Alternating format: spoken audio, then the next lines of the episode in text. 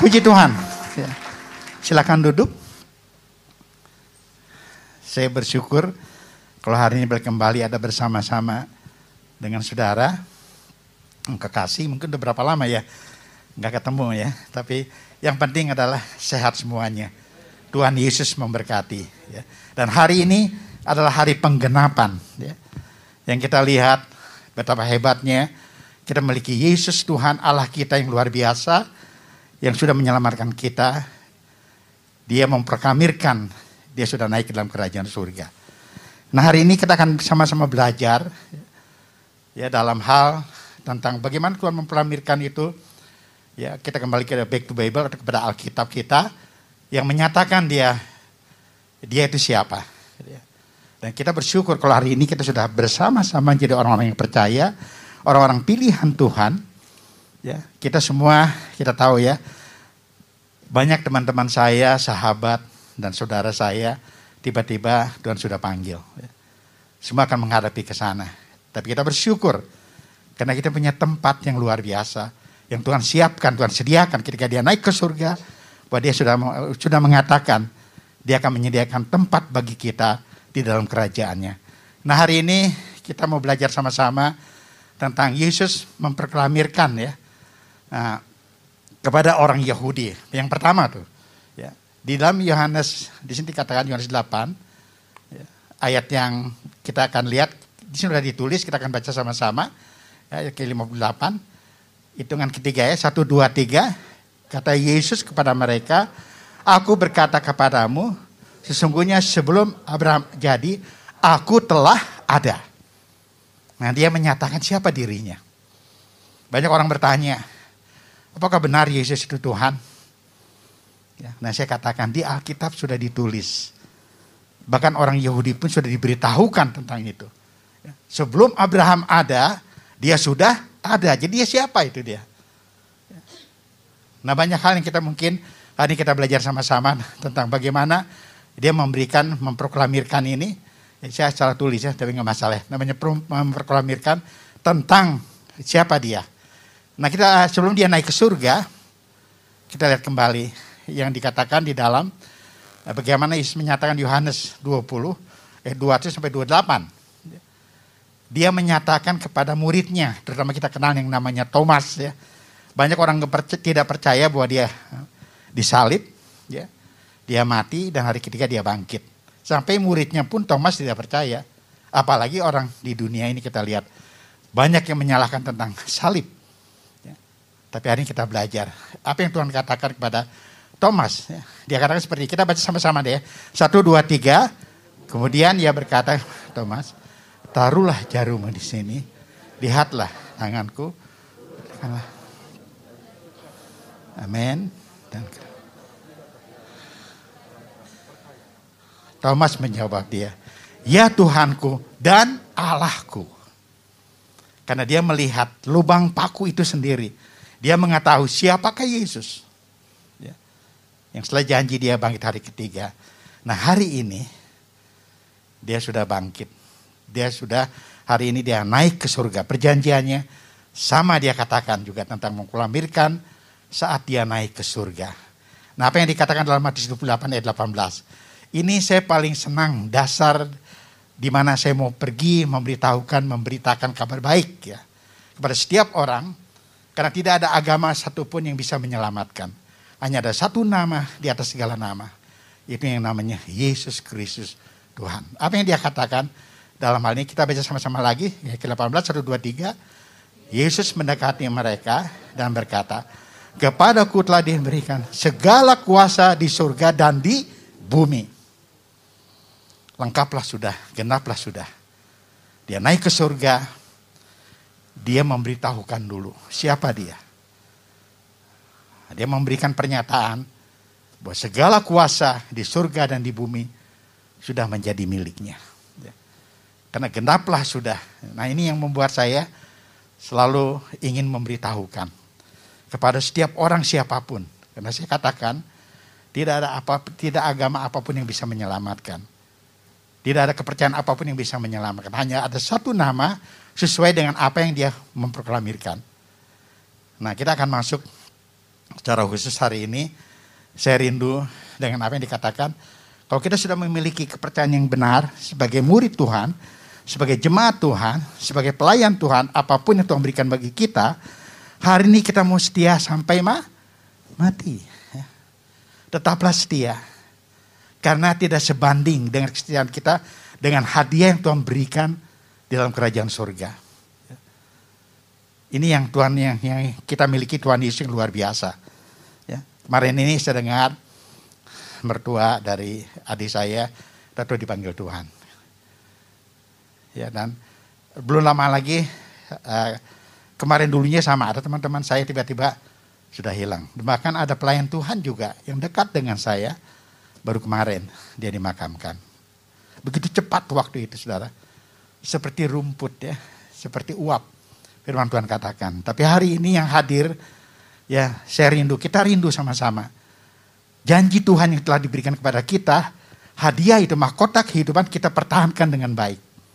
Sampai garis akhir. Sesuai dengan ini saya ingin memberitahukan, karena waktu terus berjalan, setia sampai mati. Apa yang dikatakan Wahyu 2 ayat 10b. Tadi kita lihat siapa Yesus itu. Abraham belum ada, dia sudah ada. Siapa dia? Dia sudah mati dan bangkit hari ketiga. Dan bahkan segala kuasa di surga, di bumi sudah miliknya enak ya. Saya katakan, wah saya jadi pengikut Tuhan, pengikut Yesus itu hebat. Karena jaminannya jelas. Bukan dongeng, bukan cerita, tapi jelas jaminannya. Nah, sebab yang dikatakan kita melihat di sini, ya kita baca sama-sama saja supaya ya kita sama-sama supaya Tuhan mendengar suara kita juga, ya, karena Dia hadir bersama dengan kita. Satu, dua, tiga, hendaklah engkau setia sampai mati. Dan aku merinakan kepada mahkota kehidupan. Ini yang dikejar oleh Rasul Paulus. Dia katakan, saya sudah sampai garis akhir. Nah saudara yang dikasih Tuhan, apa yang Tuhan berikan ini, ketika dia naik ke surga, dia persiapkan semua, bahkan penolong dia turunkan itu namanya roh. Kudus tadi sudah disinggung, kisah 1 ayat 8 ya. Kalau roh kudus turun ke atas kamu, kamu akan menjadi saksiku. Mulai dari mana? Yerusalem. Yudea Samaria sampai ke ujung bumi. Itu saya lakukan. Puji Tuhan sampai hari ini saya lakukan itu. Dan banyak orang-orang mendengar tentang kabar baik itu. Di mana pun saya berada, di mana pun kaki saya menginjak, saya katakan Tuhan jadikan saya untuk memberikan kabar baik. Dan kaki saya ketika menginjak tanah itu, panji Kristus berdiri di tempat itu. Puji Tuhan sampai hari ini kami terus berjalan dengan apa yang Tuhan berikan buat saya harus jadi saksi. Nah ini yang perlu saudara. Banyak saudara kita yang tidak tahu ya tentang kebenaran, tidak tahu rahasia ini. Karena pegang hanya dipegang karena apa saudara? Masalah agama. Dan di kerajaan surga tidak pernah ditanyakan agama. Tidak pernah ditanyakan KTP kita ya. Tidak ada. Tapi orang yang telah ditebus, yang telah menjadi miliknya. Nah kita lihat di sini saya ingin cerita sedikit bagaimana Yesus menceritakan tentang anugerah atau mutiara itu. Karena itu mutiara itu jangan sampai hilang. Ketika banyak orang-orang yang sudah menjadi milik Tuhan tapi mutiaranya nggak berarti. Nah, bagaimana Yesus memberikan uh, apa namanya gambaran tentang di Matius 13 ayat 45 sampai 46. Nah, kita baca dulu deh ayat, ayat 45-nya. 1 2 3 Demikian pula hal kerajaan surga itu seumpama seorang pedagang yang mencari mutiara yang indah. Diibaratkan. Kan kita tahu mutiara itu sangat mahal. Mutiara yang indah itu kerajaan surga. Nah seperti seorang pedagang yang mencari ya, mutiara itu. Dan ayat ke-46 yang bicara juga tentang 1, 2, 3. Setelah ditemukan mutiara yang sangat berharga, ia pun pergi menjual seluruh miliknya dan mencari mutiara, eh, dan membeli mutiara itu. Jadi dia seorang yang berarti katakan mencari, namanya orang mencari, dia pas ketemu, dia langsung jual semua hartanya apa yang dia miliki. Ya mungkin kalau zaman sekarang mobilnya apanya dia jual semua. Hanya untuk memiliki supaya dia bisa membelinya yaitu mutiara itu. Nah itulah kerajaan surga saudara. Ya, kita lihat seperti itu namanya mutiara yang indah. Jadi tidak sebanding sebetulnya dengan apa yang kita korbankan buat dia, buat di hadapan Tuhan. Mungkin ya nggak ada apa-apanya. Tapi kita lihat ketika seorang setia, ya, itu luar biasa. Ketika seorang setia, nah saya selalu mengatakan pada apa yang saya ajarkan ya kepada mereka, kepada murid-murid saya, saya bilang kalian harus punya modal. Ya, seperti mutiara ini kan harus punya modal untuk makanya dia jual semua untuk bisa membeli mutiara, mutiara setelah ketemu. Modalnya apa dulu orang pergi apa? itu uang ya seperti uang saya bilang sejuta Nah itu adalah singkatan. Senyada setia. Junya jujur. Tanya taat. Itulah nilai sejuta. Modal yang harus kalian miliki. Setia, jujur, taat. Itu ada tiga hal yang saya katakan pada mereka. Dan puji Tuhan mereka mengerti. Ya, tentang mutiara ini. Dan sehingga digambarkan apa? Dalam Alkitab Yesus memberitahukan tentang ini. Jangan sampai lepas mutiaramu. Jelas itu. Nah kita lihat di sini dikatakan uh, Matius 7 ayat 6 kita baca sama-sama 1 2 3 jangan kamu memberikan barang yang kudus kepada anjing dan jangan melemparkan mutiaramu kepada babi supaya jangan diinjak-injaknya dengan kakinya lalu berbalik mengoyak kamu. Kita lihat ya sekarang ini banyak orang-orang yang jadi berbalik menghina. Tadi juga sepertinya mengoyak kamu. Ya, saya sayang ya orang-orang yang sudah memiliki keselamatan, memiliki mutiara, seolah-olah dia dibuang kepada anjing, katakan ya. Ini bukan Superman ya, ini anjing ya. ya. Lalu dibuang kepada siapa? Babi. Ya, mutiaranya dikalungkan. Dan akhirnya dia bisa berbalik. Ya. Bahkan menghina. Nah karena itu sudah dikasih hari ini, kita pegang hari kenaikan Yesus, kenaikan Isa Al-Masih itu luar biasa kita pegang dia adalah satu-satunya. Jangan sampai mutiaramu yang sudah dikasih oleh Tuhan, anugerah itu dilepas. Ya. Itu yang Tuhan minta. Sehingga ada satu cerita, ada seorang yang berkata dia belum mengenal mengerti tentang mutiara. Lalu dia minta pada saya, dia sedang, sedang dialog dengan saya, ini dia tertarik. Dan akhirnya dia minta dibaptis. Nah waktu dibaptis, saya kaget di baptis Islam ya. Dan dia akhirnya memeluk saya. Dan dia katakan gimana? Sambil dia agak menangis dia katakan, Pak umur saya 40 tahun. Hari ini saya bersyukur. Kenapa saya menangis? Karena mutiara yang saya cari sudah ketemu. Bayangkan saudara, orang di luar sana, ketika dia tahu tentang itu, saya tanya, loh kamu kok tahu tentang mutiara? Kan saya dikasih Alkitab oleh Bapak. Dan saya mengerti anugerah itu betapa mahalnya. Dan penyaliban Yesus adalah harganya sangat mahal. Dan saya menghargai. Puji Tuhan sampai saat ini dia setia. Karena dia, dia, dia kadang saya tidak mau melepas mutiara yang sudah ketemu ini. Nah saudara, bagi kita kita lihat banyak orang-orang yang sudah ngiring Tuhan dari kecil, ya, lalu ikut ibadah dan segala sesuatunya, tapi di garis akhirnya dia lepas karena pernikahan, ya, karena hal-hal lain, karena sakit hati, ya, dan tidak mengenal, tidak menjaga dengan baik. Tadi dikatakan bara yang kudus diberikan kepada anjing. Nah hari ini Yesus memberitahukan kepada kita bahwa dia sudah ada di surga, sudah memberikan properti kerajaan surga yang bangun sudah selesai. Nah tinggal kapan kita bagian kotanya masuk enggak? Tentu dia berikan pada orang yang setia. Ya, orang yang benar-benar menjalankan itu. Ya, dan ini yang yang kita harus pertahankan dengan baik. Dan saya senang dengan apa yang dikatakan orang tadi sambil menangis. Dan saya kaget lagi seperti sebenarnya membaptis orang yang sudah tua, ya, yang sudah umurnya mungkin sekitar 80-an lebih. Ada beberapa orang, waktu saya baptis dia, saya kaget. Ada yang seminggu kemudian, ada yang tiga hari dipanggil Tuhan. Lalu saya bilang gini, Pak yang kemarin dibaptis oleh Bapak meninggal. Aduh puji Tuhan saya bilang. Kaget ya kan, kenapa kau puji Tuhan? Ya, ya saya bilang, ya pekerjaan saya selesai dia. Dibaptis berarti dia sudah mengenal Tuhan. Dia saat ini ada bersama-sama dengan Tuhan. Dan saya bilang, saya tidak perlu follow up lagi capek-capek ya. Betul nggak? Salam aja sama yang di atas, saya masih di bawah. Gitu. Ya.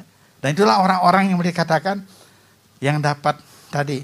Walaupun dia hanya hanya berapa hari dibaptis, tapi dia sudah masuk dalam kerajaan Tuhan punya. Seperti yang disalib sebelah Yesus kan. Itu janji Tuhan. Jadi bukan lamanya kita ikut Tuhan, bukan lamanya pelayanan, saya pernah punya teman ketua kaum muda dulu ya, tapi sekarang terbalik. Dilepas mutiaranya. Sayang. Dan kita lihat DN-nya, kesian loh. Mereka, mereka yang melepas mutiara itu. Yang perlu justru apa? Garis akhirnya. Yang menentukan bukan awal, tapi garis akhir. Seperti yang tadi dikatakan beberapa. Nah ini yang kita senang dengan apa? Pernyataan Yesus sendiri.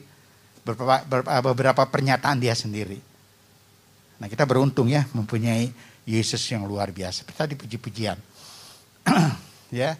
Nah dengan itu kita akan lihat bagaimana yang dikatakan uh, contoh dari Alkitab. Ya mudah-mudahan saya bisa kejar waktunya. Apa yang diartikannya 2 Timotius 4. Saudara bisa baca ayat 1 sampai 8. Ya. Ini contoh yang Yesus yang Rasul Paulus. Saya senang dengan Rasul Paulus karena dia sukses dalam segala hal sampai garis akhir. Dia lakukan itu semua. Nah kita akan baca sama-sama dengan pernyataannya daripada Rasul Paulus. Ya, satu dua tiga Di hadapan Allah dan Kristus Yesus yang akan menghakimi orang yang hidup dan yang mati. Aku berpesan dengan sungguh-sungguh kepadamu demi penyataannya dan demi kerajaannya. Demi penyataan bukan pernyataan, penyataannya. Kita di Alkitab itu ada artinya. Dan kerajaannya. Yang tadi Demi apa? Kematian, kebangkitan, dan dia naik ke surga, dan demi kerajaannya, yaitu kerajaan surga. Sehingga Rasul Paulus mengatakan dia pesan. Ada beberapa hal yang dia pesan dalam hal ini. Kita akan bahas, mudah-mudahan cepat. Ada tiga pesan yang harus dilakukan ya supaya kita tetap mendapati kesetiaan kita. Mutiara itu tetap terjaga. Mutiara itu tetap menjadi milik kita. Yang pertama saya katakan baik tidak baik waktunya tetap melayani. Mau hujan, mau sakit. Sakitnya seperti apa sih? Bagi Tuhan di hadapan Tuhan, jangan sampai kita bolong. Saya di, diajarkan dalam rumah tangga saya dengan anak-anak saya, saya jarang bahkan tidak tidak pernah bolong. Apa tugas saya? Saya usahakan tetap harus hadir. Karena ada pengaruh bagi yang lainnya juga. Kita hadir, kita menjadi berkat. Ya. Lalu dikatakan juga kuasailah dirimu dalam segala hal. Hari ini kita lihat gadget luar biasa ya. Jadi dikatakan, mass media boleh kita seperti apalah kita lihat di YouTube. Orang sudah mulai kita dengar dia lihat juga tentang TikTok ya. Itu gadget menguasai. Coba kalau kita lihat, saya pernah lihat di rumah makan, jarang lah orangnya. Makan udah disiapin, panas-panas semua. Tapi dibiarin, anaknya lagi. Kita ketik, ibunya, bapaknya. Itu nggak disentuh, maka saya bilang, aduh ini makanan nggak disentuh. Baru-baru mereka ingat. Biasanya apa? Di foto. Ya. Senang kan kalau di foto ya makanan dibagi-bagi gitu ya. Begini saya makan di sini. Nah itulah manusia ya namanya. Karena orang mulai condong kepada gadget. Ya. Nah itu harus kita hati-hati dalam penguasaan diri. Kenapa dikatakan yang ketiga? Melihara iman sampai garis akhir. Nah saya singkatkan saja kita yang pertama.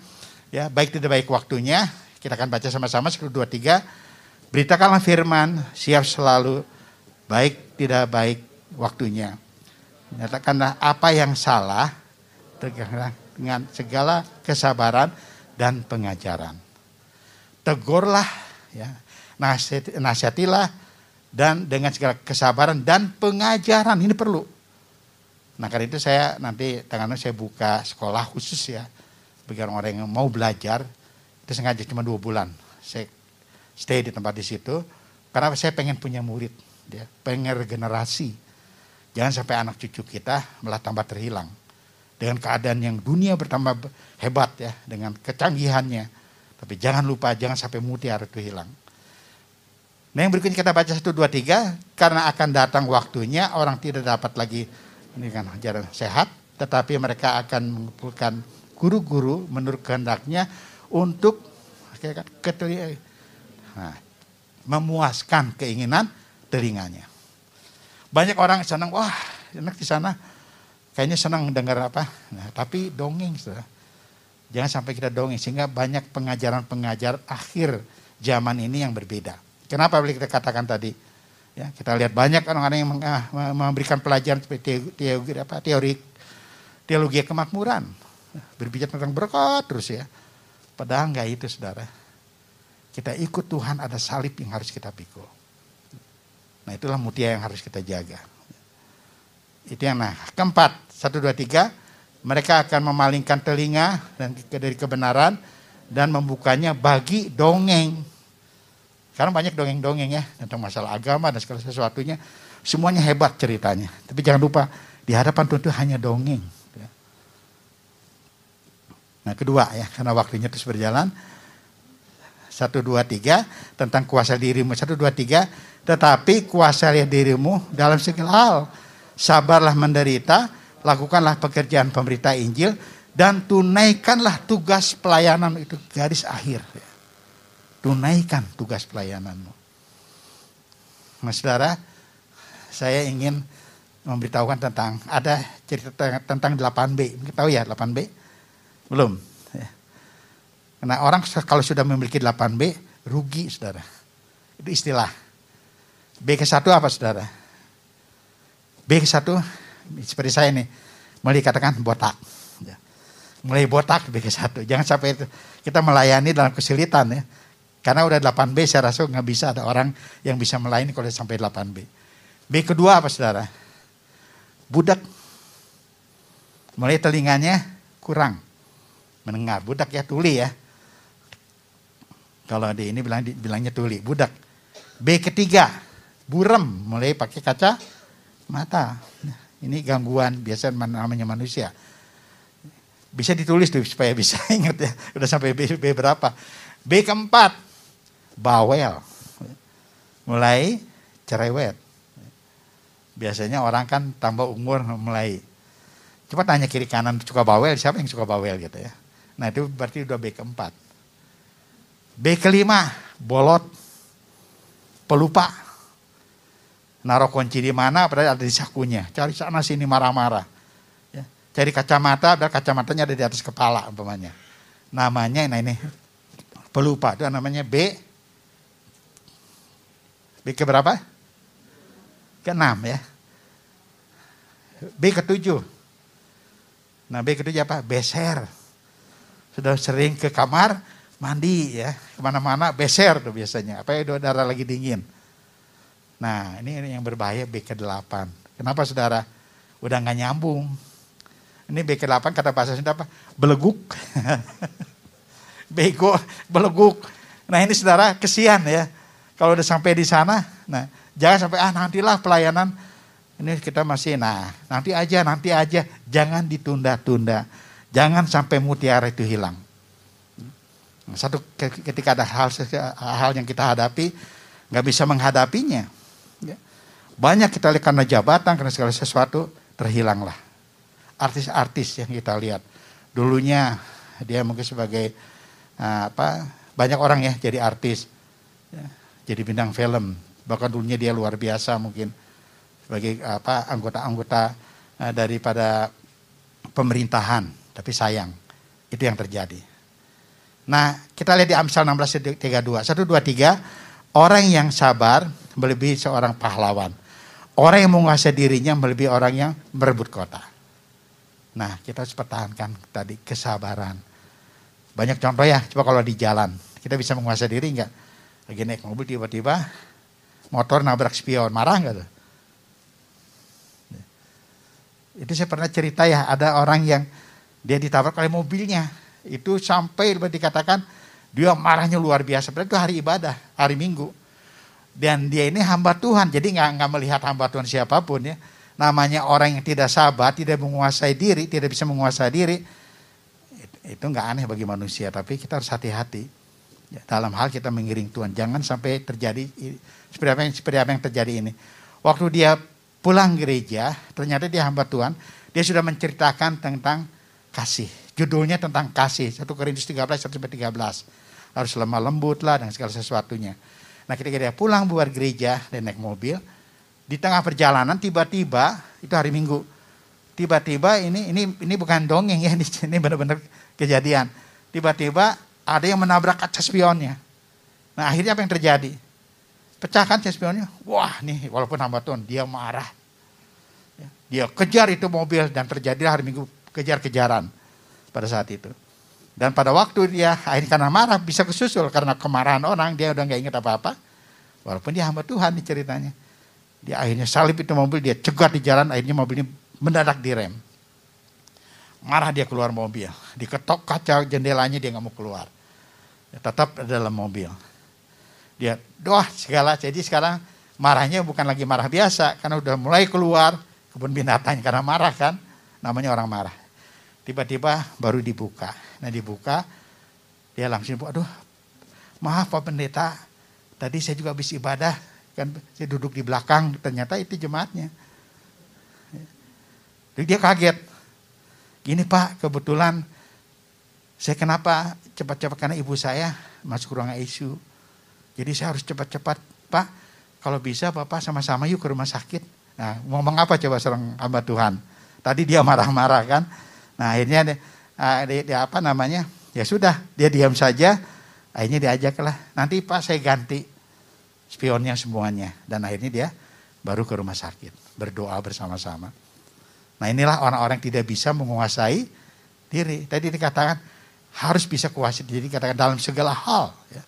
Kan dalam dalam dikatakan dalam Amsal 4 ayat 23 kuasa dikatakan jagalah hatimu dengan penuh kewaspadaan. Ini bicara hati. Nah, ketiga terakhir, terakhir dikatakan memelihara iman sampai garis akhir. Nah, kita mau baca sama-sama ya. Satu, dua, tiga.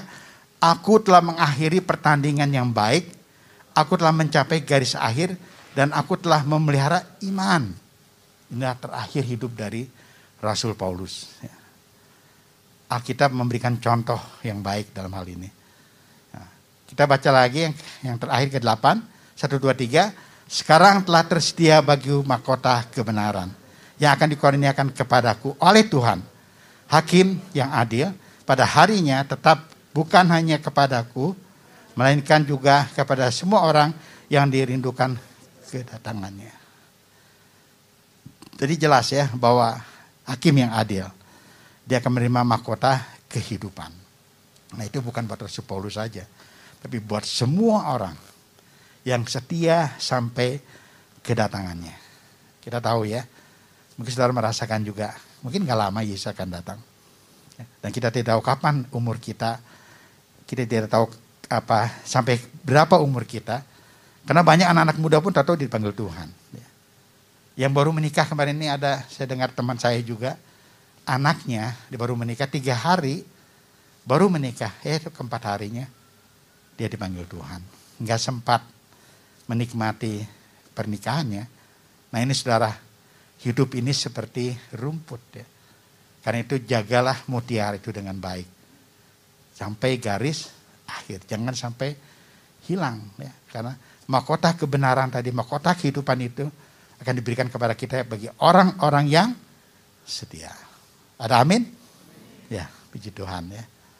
Hari ini kalau kebangkitannya jelas memberikan penggenapannya untuk dia menyediakan mahkota kehidupan. Kuncinya apakah kita setia atau tidak.